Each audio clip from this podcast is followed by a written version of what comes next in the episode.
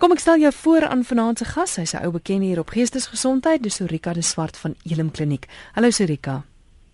Goeienaand Kristel, goeienaand luisteraars. Vanaand gesels ons oor selfbesering vir selfoorlewing. Wat is selfbesering? Ja. Selfbesering is, is eintlik 'n siekte toestand waar 'n persoon hom of haarself doelbewus fisies seermaak. Ehm um, en gewoonlik lei dit dan tot skade aan die aan die sagte weefsel en die intensie is nie om jouself dood te maak nie. En ehm um, dis ook nie iets wat deur 'n kultuur voorgeskryf word nie. So as ek 'n voorbeeld kan neem, waar van die Afrika stamme byvoorbeeld is daar 'n verwagting dat iemand byvoorbeeld 'n plat voorraad in hulle onderlip moet insit of 'n skerp voorwerp deur die lip moet druk of so iets. So dit is dan nou nie selfbesering nie, want die intensie is nie om jouself skade te doen nie. Of as jy 'n klomp tatoeëermerke gaan kry en drie ringe deur jou oor druk omdat dit vir mooi is, dan is dit nie selfbesering nie. Tensy jy dit doen met die uitsluitlike doel om jouself seer te maak. So die die die die hele intensie is met ander woorde, ek slaan myself, ek sny myself, ek brand myself, ek steek myself met iets ehm um, met die doel om skade te veroorsaak en en myself seer te maak. Goed. Sommige mense dink ek verwar dit partykeer met 'n mislukte selfmoordpoging en ek en ek weet ek het ook al gehoor mense sê ja dis dis 'n hulpkreet dis mense wat eintlik hulle eie lewe wil neem maar hierdie is 'n hulpkreet. Ja, en weet jy dis dis nie altyd so eenvoudig om dit te onderskei van mekaar want hulle lyk baie dieselfde. Jy kan nou dink as iemand aan hulle arm gesny het, dan kan jy wonder het jy jou pols weer sny of het jy probeer om jouself net seer te maak. Mm. Maar een van die mites is dat selfbesering 'n mislukte selfmoordpoging is. Want die twee goed is eintlik teenpole van mekaar. Dis snaaks wat dit nou klink want en en verskil weer eens lê in die intensie. Um selfbesering, die intensie agter selfbesering is 'n poging om te oorleef. Dis 'n poging om om um sekere ongemak, emosionele ongemak en gedagtes en omstandighede te hanteer. So dis dis obviously 'n dit is 'n destruktiewe hanteringsmeganisme maar dit is nie 'n hanteringsmeganisme vir oorlewing. Terwyl selfdood en 'n selfmoordpoging is baie spesifiek gerig daarop om te sê ek wil die pyn beëindig deur my lewe te beëindig. Um en die dood te laat intree. So die twee staan eintlik teenoor mekaar. Maar wat ons wel weet is dat um daar's tog 'n korrelasie in terme van hoe langer 'n persoon aanhou met selfbeserende gedrag en hoe meer dit eskaleer, hoe meer is dit moontlik dat jy jouself per ongeluk kan kan doodmaak of dat die hulpeloosheid en en die gevoel van skuld en skaamte so groot raak dat selfmoord dan wel 'n opsie raak. Goed, maar die belangrikste ding is 'n persoon wat homself beseer wil nie doodgaan nie. Dis nie dis nie die doel hoekom hy homself beseer nie. Dis reg. Die intensie daar agter is is eintlik oorlewing. Mm. mm. Ja, want dis ook van daardie titel selfbesering vir selfoorlewing. Ja. Dis reg. Kyk, mense het verskillende hanteringsmeganismes en en hierdie is een meganisme. Mm. Um, om om van ongemak ontslae te raak. Sorika, jy het nou ek dink jy het genoem sny en brand en so noem gou die verskillende maniere en ek dink dit is belangrik ook vir die luisteraars want dit is ook moontlik tekens waarvoor mense moet uitkyk of die persone om jou eh, dalk aan die siekte ly. Dis reg. Maar een van die interessante goeie is dat die tekens is nie altyd baie aansigbaar nie want ehm um, selfbesering is 'n ding waaroor mense baie skaam kry. So hulle steek dit vir jou weg. Ehm um, ons kan 'n bietjie later kyk na nog van die tekens, maar die daar's daar 16 goed geïdentifiseer in kliniese omgewings wat beskou word as selfbeserende gedrag, maar ek wil amper vir jou sê enige iets wat jy doen wat wat skade aan aan jou liggaam of weefsel veroorsaak wat jy doelbewus ehm um, besering veroorsaak kan kan selfbesering wees die die algemeenste goeters is maar sny, dit mense wat hulle self sny of brand, uh steek met goeters, slaan, uh slaan jou kop teen die muur, slaan jou vuiste teen die muur, nie omdat jy kwaad is nie, maar spesifiek om pyn te voel en so aan. Dit is nuwe is wat nou in die diagnostiese handleiding vir geestesiektes ehm um, vervang is, uh, vervat is. Die een is ehm um, trichotillomania en dit beteken haartrekkery as jy nou letterlik jou hare skolle uit jou kop uittrek of uit jou wenkbroue uittrek om pyn te veroorsaak. En dan die ander een is ehm um, ekskoriasie wat beteken jy krap jouself stukkend. Ehm um, maar tot die ekstreme. Jy weet dat dit dat dit regtig letsel veroorsaak. So dit kan op enige deel van die liggaam plaasvind, maar wat ons baie maal vind is as jou dominante hand regs is dan kan dit baie maal aan die linkerkant van die liggaam gebeur. Dit dit maak net sin. Hmm. En dan is dit baie maal die hande, die polse, die bene, die maag, daai tipe van plekke wat jy weet waar waar beserings opgedoen word. En dan die erns van die besering kan wissel van wat aanvanklik lyk na baie oppervlakkig, jy dit kan lyk na krapmerkies. Dit kan amper lyk asof die kat jou 'n bietjie gekrap het op die arm. Dis nou net te simmetries, jy weet, en daarom is dit so spesieus. Ehm, um, maar so dit kan aanvanklik ehm um, baie oppervlakkig wees. Kan wissel of of dit kan eskaleer na baie ernstig en soos ek sê, dit kan selfs net lottig wees en blywende letsels of gestremdheid veroorsaak. Ek dink 'n mens se onmiddellike vraag is hoekom doen iemand dit? Um, ek weet jy sê nou dis vir oorlewing, maar maar wat sou die verloop of die ontwikkeling van so 'n kondisie wees? Ja, ek dink daar's daar's meer redes as as wat ons op die stadium nog verstaan en die redes is ook nie altyd ooglopend nie want die ons ons kyk hier na gedrag. Nou baie maal is die gedrag op sigself raak vir 'n persoon ehm um, ek ek versigtig om die woord verslawend te gebruik. Ehm um, alhoewel daar daar mense is wat glo dit 'n verslawende gedrag is. So die gedrag op sigself is iets wat vir mense 'n sekere mate van verligting bring. So hoe dit hoe dit werk is ek dink in die meeste gevalle is mens hoor of sien iemand wat hulle self beseer en en jy hoor dat hulle sê maar weet jy dit is my aangenaam ek beleef euforie ek beleef verligting vir 'n tydjie in elk geval nie nie lanktermyn nie vir 'n vir 'n kort tydjie. En dan besluit 'n mens jy neem 'n besluit om dit te probeer. By ander persone gebeur dit dood eenvoudig weet jy voel net so magteloos dat jy jou kop teen die muur begin kap en dan begin jy besef maar weet jy wat nou voel ek half Ehm um, ek voel half niks. Ek voel half ehm um, daar's daar's 'n daar's 'n euforie of daar's 'n pynstillende effek. En dis dit, dit maak net jy mekaar na wat eintlik in die liggaam gebeur is. Hierdie eenmalige gebeurtenis aktiveer iets wat ons noem die endogene opiate stelsel in jou liggaam. Wat beteken die oomblik as ons in gevaar is of ons 'n besering opdoen, dan sê stuur jou liggaam vir jou pynverligting in die vorm van endorfine. So hierdie endorfine skiet en vloei dan na deur jou lyf wat jy beleef is 'n mate van euforie en 'n mate van pynstilling op 'n baie natuurlike manier. Die persoon dink dan, weet jy wat is die snyiery wat maak dat ek beter voel? Dis nie die snyiery, dis die endorfine wat deur jou liggaam gaan. Ah. Ehm um, maar maar maar dit is dan nou 'n gevoel wat hulle weer wil voel en dan by herhaling raak dit dan 'n probleem. Ehm um, so so ek dink dis die eerste ding is is dit dit is dit gewoonlik ontwikkel is dis 'n eenmalige iets en dan beleef hulle verligting maar van die redes daar agter is dan om hierdie pynverligting te beleef ander mense sal sê weet jy dit verlig my spanning. Ek voel oorweldig en en dit gee een of ander vorm van verligting vir my. So een ou gaan gaan draf om van sy spanning ontslae te raak en 'n ander ou slaan nie meer um, om van sy spanning ontraak die een is 'n destruktiewe manier om van spanning ontslae te raak en die ander een is, is baie meer konstruktief. Dan sal mense wat sê, weet jy ek voel emosioneel so dood en ek voel so afgestomp dat as ek bloed sien dan weet ek ek leef. Ehm um, en en ehm um, wat dan sny spesifiek om om dan bloed te sien. Ek praat nou van sny, maar dit kan enige selfbeserende gedrag insluit. Dan is daar natuurlik die ding van ek ruil tydelik my emosionele pyn vir fisiese pyn. So dit wat ek hier in my hart voel, ehm um, sny ek nog my arm uit of ek ek beseer myself op 'n manier so ek verplaas eintlik my emosionele pyn ek eksternaliseer hierdie pyn na buite toe vir 'n so verklein rukkie is my fokus totaal en al op die fisiese pyn. En daai pynstillende effek van die endorfine is net hou net vir 'n rukkie. So net daar daarop is jy baie bewus van die pyn in jou lyf en minder bewus van die pyn in jou hart.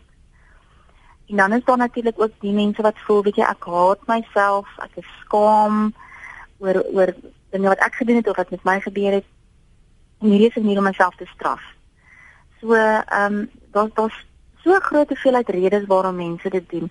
Op die ou ende dink ek net die aanvanklike klein bietjie verligting wat jy beleef word gevolg deur woonbehalwe fisiese pyn, besering en baie maal letsels en ander skade, maar dit word ook gevolg deur tipe van hulpeloosheid en skaamte, mm. skuldgevoelens. Mm. En dit dryf jou dan nou weer um, om jouself seer te maak. Dis Rika de Swart met wie ek gesels hy's van Elim Kliniek en ons gesels oor selfbesering vir selfoorlewing. Daar's geen oproepe wat deurkom nie. Ek kry nie SMS'e nie wat my laat wonder hoe algemeen kom dit voor? Dis eintlik meer algemeen as wat mense sou dink. Ehm um, en 'n mens dink soms dit is net jong meisies wat sny byvoorbeeld, jong tienermeisies wat sny. Dis glad nie die geval nie. Wat ons wat ons vind is dat kwart van alle adolessente een of ander stadium daarmee eksperimenteer. Ehm um, dit beteken nie dat hulle dit weet volhoubaar gaan gebruik as hanteringsmeganisme nie. Hulle eksperimenteer 'n bietjie daarmee en hoe ouers en onderwysers en maats daarop reageer dan het nog 'n versterkende effek op op hulle gedrag of dit kan dit dan nou ontmoedig. Ehm um, so dit dit is dis iets wat voorkom en ek ek dink as jy praat met maatskaplike werkers en onderwysers, ehm um, verpleegpersoneel, dan gaan jy dan gaan jy hoor maar dis eintlik iets wat wat by tye uh, amper so 'n epidemie deur 'n skool trek of deur 'n koshuis trek. Ons weet byvoorbeeld in gevangenisse, in hospitale waar mense vir lang tye in in um, plekke in institusies opgeneem word. Daardie mense is meer geneig om um, van hierdie hierdie gedrag weet gebruik te maak as 'n manier om dinge te hanteer. En dan dit is nie net jong mense nie. Dis 'n ander interessante ding. 'n Mens sou dink jong mense sit met minder hanteringsmeganismes, so dis iets wat hulle gaan sien 'n maatjie doen en dan doen jy dit. Maar um, ek het mense van verskeie ouderdomme al um, gesien wat onder andere sny en brand is maar die twee goeters wat ek baie maal sien. En ehm um, letterlik van enige ouderdom. Ek dink een van die goed wat ons moet weet is mense word met ongelooflike skaamte gevul oor dit wat hulle doen. Dit maak nie sin nie. Vir die meeste van ons maak dit geen sin dat jy jouself sal beveer maak nie. Jy wil jouself beskerm teen seer. So dis iets wat baie skaamte en skande wek. Hmm. Jo, jy as luisteraar is welkom om saam te gesels. Dalk ken jy iemand wat homself of haarself beseer. Dalk het jy self die pad gestap, miskien daarmee geëksperimenteer, soos Rika nou gesê het. Laat hoor van jou by 089 1104553. Dis 089 1104553. SMS'e kan gestuur word na 34024 is 34024. Dit kos jou R1. E-posse kan ook via ons webwerf gestuur word rsg.co.za. Interessant wat jy nou noem dat dat in, in tronke of of by skole of in koshuise gebeur dit. Is dit dan iets wat aansteeklik is? Ek meen, as jy sien jou maatjie doen dit, hoekom sal jy dit dan nou ook wil doen? Ja, dit is interessant. Mense praat van in die eerste plek is verslawend en in die tweede plek is aansteeklik. So kom kom praat jy oor oor is dit aansteeklik? Uit die aard van die saak is dit nie fisies aansteeklik nie. Dis nie 'n ding wat jy kry soos 'n verkoue nie. Mm. Ehm mm. um, maar dit dit is dis redelik algemeen dat as ons kan self sien waar waar waar ons praat oor selfmoord by tye, as daar in skole selfmoord was. Iewers anders is daar iemand wat net nie die die moed gehad het nie of net nie daaraan gedink het op daai spesifieke stadium nie. Ehm um, wat eintlik onderliggend altyd so gevoel het en nou daarop uitreageer. Ek dink hierdie is maar dieselfde beginsel. Is mense loop met met 'n moedeloosheid met 'n gevoel van oorweldigheid rond en en iemand anders sny en sê weet jy wat dit werk vir my. En ehm um, en probeer dit dan. En so kan dit nog 'n epidemie skole bel partymal en sê weet jy ons weet nie julle moet kom ehm um, weet 'n uh, uh, projek vir ons kom doen want ons ons weet nie wat gaan aan nie maar die kinders in van met 6 almal sny nou of graad 8 almal sny nou skielik. Want dit is nie almal nie. Jy weet dan sit 'n persentasie van kinders wat in eerste plek nie noodwendig hanteringsmeganismes het nie. So aansteeklik is dit verseker nie, maar dit het 'n geneigtheid om om mense veral in plekke soos koshuise, verbeteringsskole, ehm um, in hospitale en gevangenisse waar waar mense minder geleentheid het om konstruktiewe hanteringsmeganismes uh, te beoefen. Is dit iets wat makliker 'n epidemie raak? Makliker gedrag raak. Dit kan 'n keuse, né? Dit kan hmm. nie iets wat jy nie siekte wat jy vang nie, jy kies nou om hierdie hiermee te eksperimenteer. Ehm um, en ek dink jong mense sien ook hierdie goeders in films. Ehm um, hulle lees daarvan op sosiale media. Uh, hulle neem hulle self af dit word op op YouTube geplaas en sulke tipe goeders en dit prikkel in 'n skierigheid by waar halfige jong mense wat dit dan nou ook probeer. Ehm um, so dit is 'n ding wat ehm um, soms eintlik net tipe van 'n moedighede is wat wat gebeur en dan waai dit weer oor. Maar ek wil amper sê dit is dis die uitsondering. Wanneer iemand self beseer is daar gewoonlik redelik diep liggende goed wat moet aandag kry. Hmm. Kom ons kyk gou hier's 'n paar SMS'e wat deurgekom het, maar ook 'n paar oproepe. RSG goeienaand. Hallo. Goeienaand. Ja. Nou, ek wil graag anoniem bly, kan ek maar praat? Jy's op die lig, ja. Goed. Weet jy my dogter het haarself ehm um, gekrap teen ehm um, mure of teen ehm um, bakstene. Ehm um, en ek het nie verstaan waaroor dit gaan nie. Sy was maar toe in haar tienerjare 16 en ehm um, later uitgevind dat sy gemolesteer was en sy wou dit op daai manier soos wat die dame nou gepraat het daar ehm um, sagter maak in haar hart of dit beter laat voel. En ek wil vir die ouens sê daar buite, daar is soveel kinders wat dit doen en die ouers verstaan dit nie. Vandag verstaan ek. Mm. Ehm um, so ek wil vir die ouers sê wat kinders het wat dit wel doen of wat dit miskien opmerk of nie opgemerk het nie. Baie keer steek hulle dit onder lang moue weg en allerlei dinge. Ehm um, hulle moet nie moet opgee nie. Daar is altyd 'n uitweg. Die Here is altyd saam met elkeen van hulle. Baie dankie hoor. Anoniem baie dankie vir die bel hoor. Goed, dankie. Lekker aan. Selfde. Uh, Sorika, ek wil gaan aansluit by 'n uh, SMS wat deurgekom het van van Kobus wat sê 100% ja. van die gevalle wat ek in my praktyk gesien het, was as gevolg van molestering, veral by meisies. kan ook van fisiese ja. aanranding wees. Interessant wat die luisteraar nou sê, dis presies die rede hoekom haar dogter dit gedoen het daar's 'n baie sterk korrelasie tussen seksuele misbruik en selfbeserende gedrag. Daar's 'n paar ander goeders waarmee dit ook korreleer. Ehm um, ek weet nie of daar nou nog oproepe of SMS'e eers ons eers na moet kyk nie. Antwoord gou eers hierheen, dankie. Ja. Mm. Um, ja, nee, so ek sou ek wou maar net sê daar's 'n sterk korrelasie dink ek met sekere goeders. Daar's 'n sterk korrelasie met seksuele misbruik. 'n sterk korrelasie met byvoorbeeld onderliggende en onbehandelde angs en depressie ook. En dan mense het half die indruk dat iets baie ingrypend en baie traumaties met iemand moet gebeur. Maar weet jy, ek het al bejaardes gesien wat bloot so eensaam is en nie gehoor of nie gesien word nie. Wat wat uit frustrasie begin selfbeseer het. So ek dink daar's daar's 'n ehm um, daar's 'n verskeidenheid van redes. Ek dink sekere persoonlikheidstipes is ook meer geneig om hulle self op daai manier uit te druk. Maar ek wil saamstem dat een van die grootste oorsaaklike redes wat ons vind ek wil nie ek wil nie hê luisteraars moet dink dat goed my kind sny so dit moet beteken dat daar mm. seksuele misbruik ja. was nie want dis nie die enigste oorsaak nie. Ehm um, maar verseker is is forme van mishandeling en misbruik kan verseker lei tot tot selfbeserende gedrag. Waarop dit neerkom is dat as jy agterkom iemand naby jou beseer homself, dan moet 'n rede wees daarvoor. Daar's versekerde redes. Ons sê ek sê die die die gevalle waar dit 'n bietjie van 'n mode ding is en dit een of twee keer gebeur en dit waai oor, is absoluut die uitsondering. Mm. Gewoonlik gaan dit oor diep liggende trauma.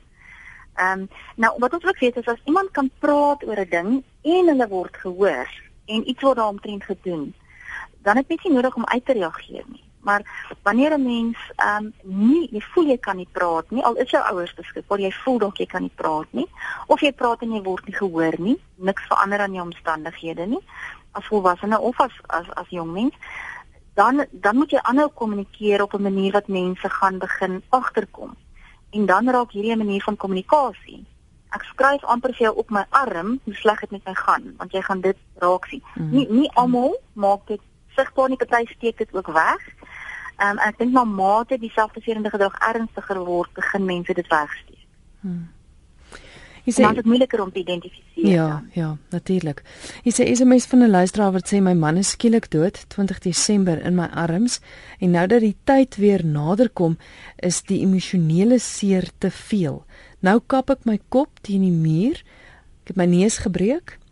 Die fisiese pyn maak die ander pyn draagbaar. Ek verkies buitepyn as die hel wat ek binne voel.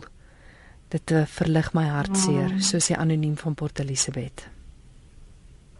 Ja, dis dis baie baie hartseer en ek dink dit is ons dis 'n voorbeeld van dit wat ek wat ek nou vir julle sê is ehm um, daar daar is 'n mate van verligting en verplasing. Jy verruil een tipe pyn vir 'n ander tipe pyn en jy en jy beleef dat die fisiese pyn meer hanteerbaar is.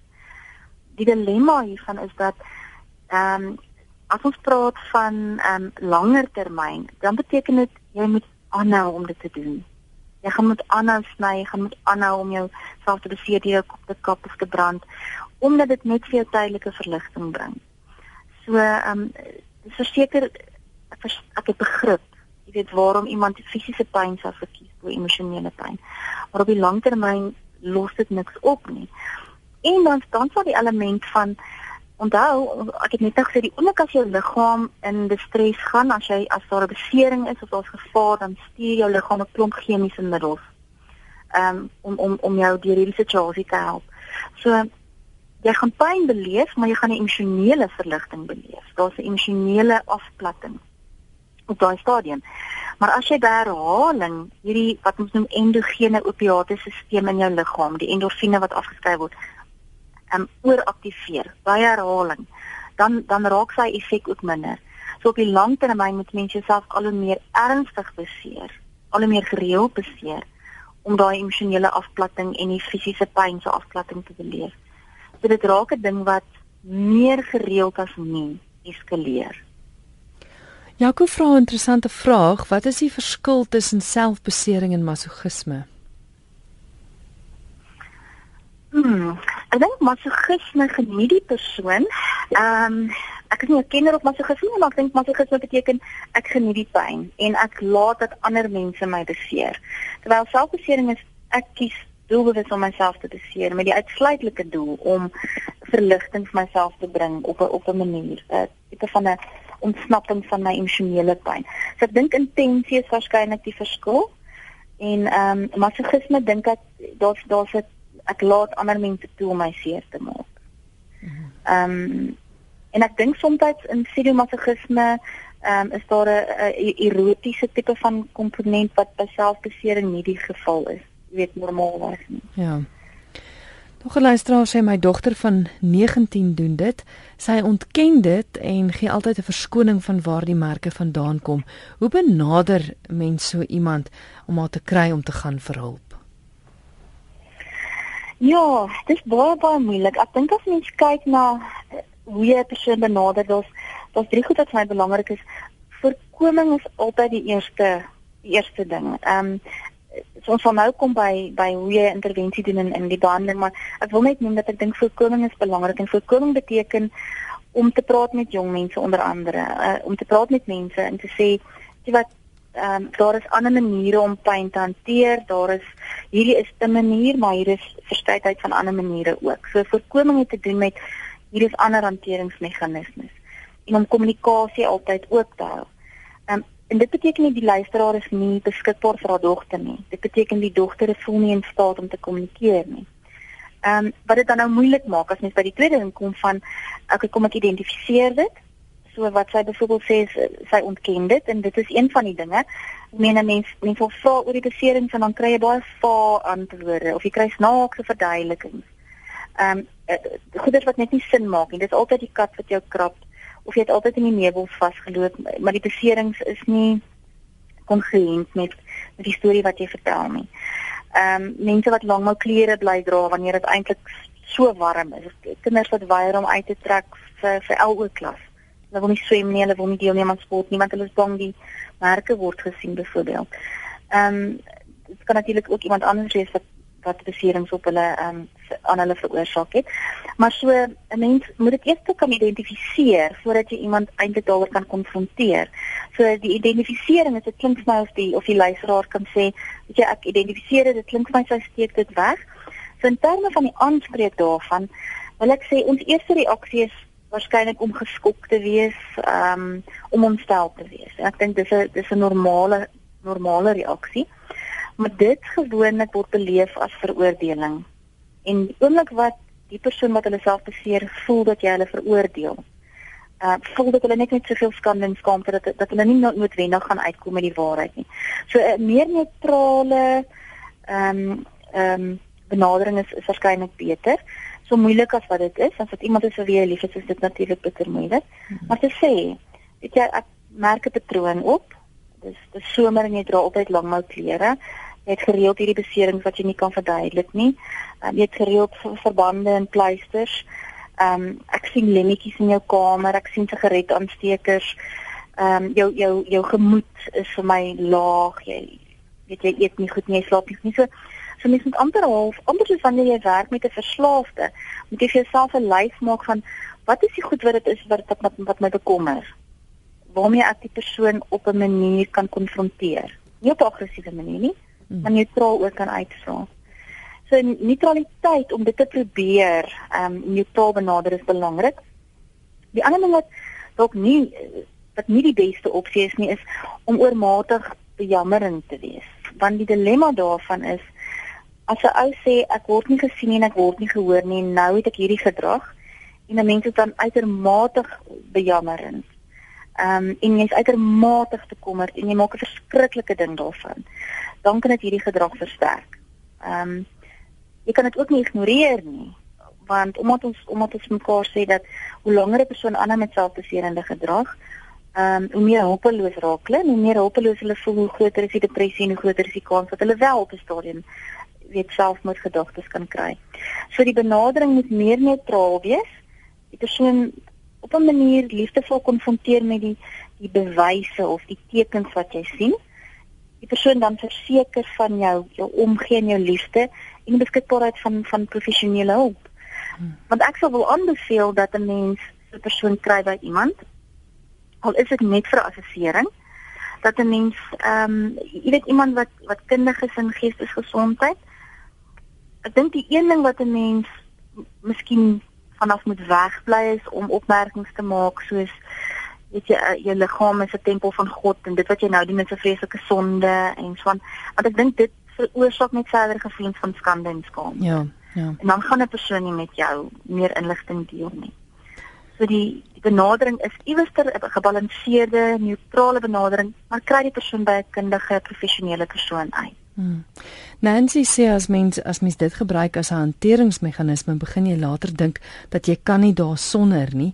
'n Mens wil stop, maar dit bly 'n stryd. Hoe kan mens dit stop? En vroeër het 'n luisteraar ook gevra, is daar 'n oplossing? Jy het nou genoem dat mens by iemand moet gaan aanklop vir hulp. Ehm um, gaan mens ja. na 'n instansie toe? Kan iemand soos 'n sielkundige mens help? Verseker kan jou kinders jou help. Ek vind baie maal is 'n goeie beginplek is jou huisdokter want hy kan vir jou sê, weet jy, hier is 'n oulike sielkundige in die dorp, daar's 'n maatskaplike werker wat hier spesialiseer. Of weet jy, ek dink dit lyk vir my is depressie ook miskien 'n psigiater. So jou jou huisdokter kan so 'n bietjie na alles luister en vir jou sê, okay, ek dink dis dalk waar jy moet begin. Ehm um, want ek dink professionele hulp in baie gevalle is oh, so ek sê al al praat nie van maande se terapie nie. Ehm um, 'n ordentlike assessering gaan vir jou aandui hoe ernstig die probleem is en wat jy wat die pad vorentoe is. So dis die een ding. Jy weet spore spore kundige persoon op begin by jou huisdokter as jy self nie seker is nie. Daar's verskeie ehm um, aanlyn ehm um, hulpmiddels beskikbaar. Daar's selfhelpboeke wat jy net gratis kan aflaai. Ehm um, daar's daar's ehm um, webwerwe waar mense dan met mekaar kan gesels en waar kundige persone dan ook vrae sal antwoord. So dis iets wat deesdae nogal vir baie mense beskikbaar is as jy aanvanklik te skaam is om eers eh, so kundige te bel, dan kan jy miskien aanlyn so lank met mense begin, begin kommunikeer daaroor. Ek dink mense moet net baie versigtig wees watter webwerf jy nou jou jou hulp by gaan soek, dat dit nie net klomp mense is wat mekaar ehm um, verkeerdelik beïnvloed. Want wat die wat die ander wat die dame nou ook gepraat het van ehm um, mense 'n tipe van 'n uh, ek wil die Engelse woord gebruik craving of drang en ek gebruik die woord craving omdat dit mense bietjie herinner aan verslawing. En wat baie mense wat selfbeseer sê vir jou, weet jy wat hierdie voel vir my soos 'n verslawing. Ek ek kan nie lekker stop op my eie nie. Ehm um, en soos net verslawende gedrag, het mens regtig soms die hulp van buite nodig. Iets wat 'n mens self kan doen is om 'n joernaal te hou en die tyd wat jy dan wel by by 'n professionele persoon uitkom, kan jy vir hulle sê maar weet jy wat ek sien hier's 'n patroon. Ek sny wanneer ek verwerk voel. Ek sny wanneer ek alleen is. Ehm um, en ek sien ek sien ek sny elke derde, vierde dag. Dis ook na die tyd vol. So die goeders waarna jy kan aandag gee as jy nou 'n joernaal hou van van jou gedrag en jou gevoelens, is dinge soos wat is die situasie? Wat was jou gedagtes? Wat het jy gevoel en hoe het jy gereageer? Hmm. So dit dis 'n dis 'n manier ons noem dit CBT, kognitiewe gedragsterapie. So dis van die terapeutiese goeders wat beskikbaar gaan wees daar buite vir jou en jy kan begin deur 'n joernaal te hou by die huis om om patrone te ja. probeer raak sien. Dit dit alleen gaan nie die probleem oplos nie, né? Ja. ja. Maar dit is 'n manier om te begin omdat ek het gesê as 'n mens kan praat en gehoor word en omstandighede verander, dan sal hier dan sal hierdie gedrag ook verander. Ja. So die joernaal is eintlik net 'n manier om te praat. Jy word nog nie gehoor nie. Sarah het 'n SMS gestuur wat sê I was a cutter in my 30s living with severe depression. Now I'm 55 and I'm brave, brave enough to show my arms. En 'n vorige luisteraar net bo dit wat ook sê dat uh, dankie vir die onderwerp my suster sny haarself en uh, dit klink vir my asof die suster sê dit dis bevredigend vir haar. Sy haal die lemmetjies uit haar skeermes. Sy gebruik dit. Sy's bipolêr en sy word behandel daarvoor maar gewoonlik as sy op haar laagtepunt is dan gebruik sy dit. Sy word gewoonlik dan in 'n hospitaal opgeneem vir depressie en angs. Hoe hoe 'n belangrike rol speel depressie? Want dis nou twee SMS'e wat deurkom van mense. Dit dis die rede hoekom hulle dit doen. Ja en dis ook baie maal hoe ons uitvind dat iemand sny is hulle kom eintlik jou uit om te sê weet jy ek sukkel met depressie of ek sukkel met angs of ek het hierdie traumatiese belewenis gehad Ehm um, so hulle kom amper met met van die ander geestesgesondheidssimptome en dan besef jy maar hierdie is gedrag wat plaasvind. So enige angs en depressie wat nie behandel word nie. Ehm um, kan vir 'n mens totaal onder dis is altyd baie ernstige geestesgesondheidsiektes as dit nie behandel word nie. En daar is baie mense wat meen dit dan moontlik oorweeg as 'n manier om tydelik van 'n selfverligting te bring. Ehm um, en ook daar's 'n element van ehm um, soos ons net nou gepraat het ehm um, in terme van geestesgesondheid, trauma is ook ook speel ook 'n belangrike rol. So of iets baie traumaties met jou gebeur het, ehm um, en jy nie weet wat om daarmee te maak en dit is oorweldigend en jy selfbeserings gebruik, maar as jy ook dink aan 'n tiener wat byvoorbeeld net glad nie raak gesien word nie, konstante verwerping van 'n ouer kry, ehm um, wat geboelie word by die skool byvoorbeeld dis 'n konstante tipe van kroniese traumatiese belewennisse. En sulke mense is ook geneig om hulle self te beseer. So daar's daar's werklik nie net een oorsaak nie, daar is 'n verskeidenheid van oorsake en mens gaan na al daai oorsake in een persoon kan daar 'n verskeidenheid van redes wees waarom hulle sny. Is 'n luisteraar wat sê ek het dit ook vir jare lank gedoen. Dit verdoof die pyn was al hoe ek kon cope. Dit was my dope. Emosionele pyn was net te veel. Niemand het daarvan geweet nie behalwe die wat dit per ongeluk raak gesien het en dan moes ek jok daaroor. Ek moes die wortel van die pyn aanpak en daarmee deel om dit nie meer te kon doen nie en dis dis maar dis baie bemoedigend en ek ek is eintlik so bly daar soveel mense wat inbel en skryf om te sê dat hulle was daar en hulle is nou op 'n ander plek. Ek dink wanneer mense gaan kyk na behandeling, wat belangrik is is mens moet na die wortel kyk. Jy moet na die oorsaak kyk. Maar in terapie is dit nogal belangrik om wanneer 'n persoon by jou kom, een die rede hoekom hulle self beseer is omdat hulle oorweldig voel deur negatiewe emosies en gedagtes. So dan kan 'n mens nie onmiddellik inspring en met die kindermishandeling werk en met die trauma werk. Daar's eers 'n fase van kom ons bou jou ego kragte, kom ons leer jou nuwe vaardighede aan.